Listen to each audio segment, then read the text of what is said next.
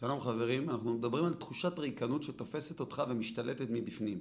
דיברתי בפעם הקודמת שכאשר יש חלל פנימי, כאשר אין תחושת שליחות ומשמעות, אדם מתחיל להיות משועמם ואז הוא מסתובב ימינה, מסתובב שמאלה ומחפש את עצמו.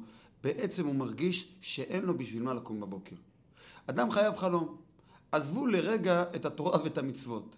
יש כל מיני סוגים של חלומות. אדם חולם להרוויח הון של כסף, הון תועפות. אז יש לו בשביל מה לקום בבוקר. יש לו מלא מרץ, יש לו מלא מוטיבציה, הוא, הוא נמרץ. אדם רוצה להקים עסק, עצם העסק, שימו לרגע את הרווחים בצד, עצם העסק, עצם זה שיש לו איזושהי תוכנית, היא ממלאת אותו במרץ.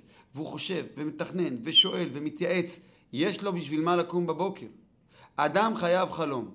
עכשיו, אני כן עובר יותר לרובד של עומק, ככל שהחלום הוא חלום יותר מלא משמעות, ככל שהחלום הוא יותר מלא ערכיות, אז ממילא זה חלום שהוא יותר נוגע בנקודות שהן נקודות מהות בך. ככל שהדבר שעליו אתה חולם הוא יותר, אה, אה, יותר אלוקי, יותר ערכי, יותר, אה, יותר אמיתי, אז הוא ממילא מוליד בך עוצמות חיים יותר, יותר טובות. אתה הופך להיות בן אדם יותר טוב. אני רוצה לדבר רגע על המכינה. המכינה, או הבית מדרש שבו גדלת, הדליקה בך חלום. ויצאת אל אוויר העולם כמו פגז שירו אותו מתותח. היית מלא בעיניים בורקות ורגליים נמרצות, היית מלא בחלום. האם זה היה חלום שווא? האם עבדו עליך בעיניים שאתה עבדת על עצמך? והתשובה היא לא.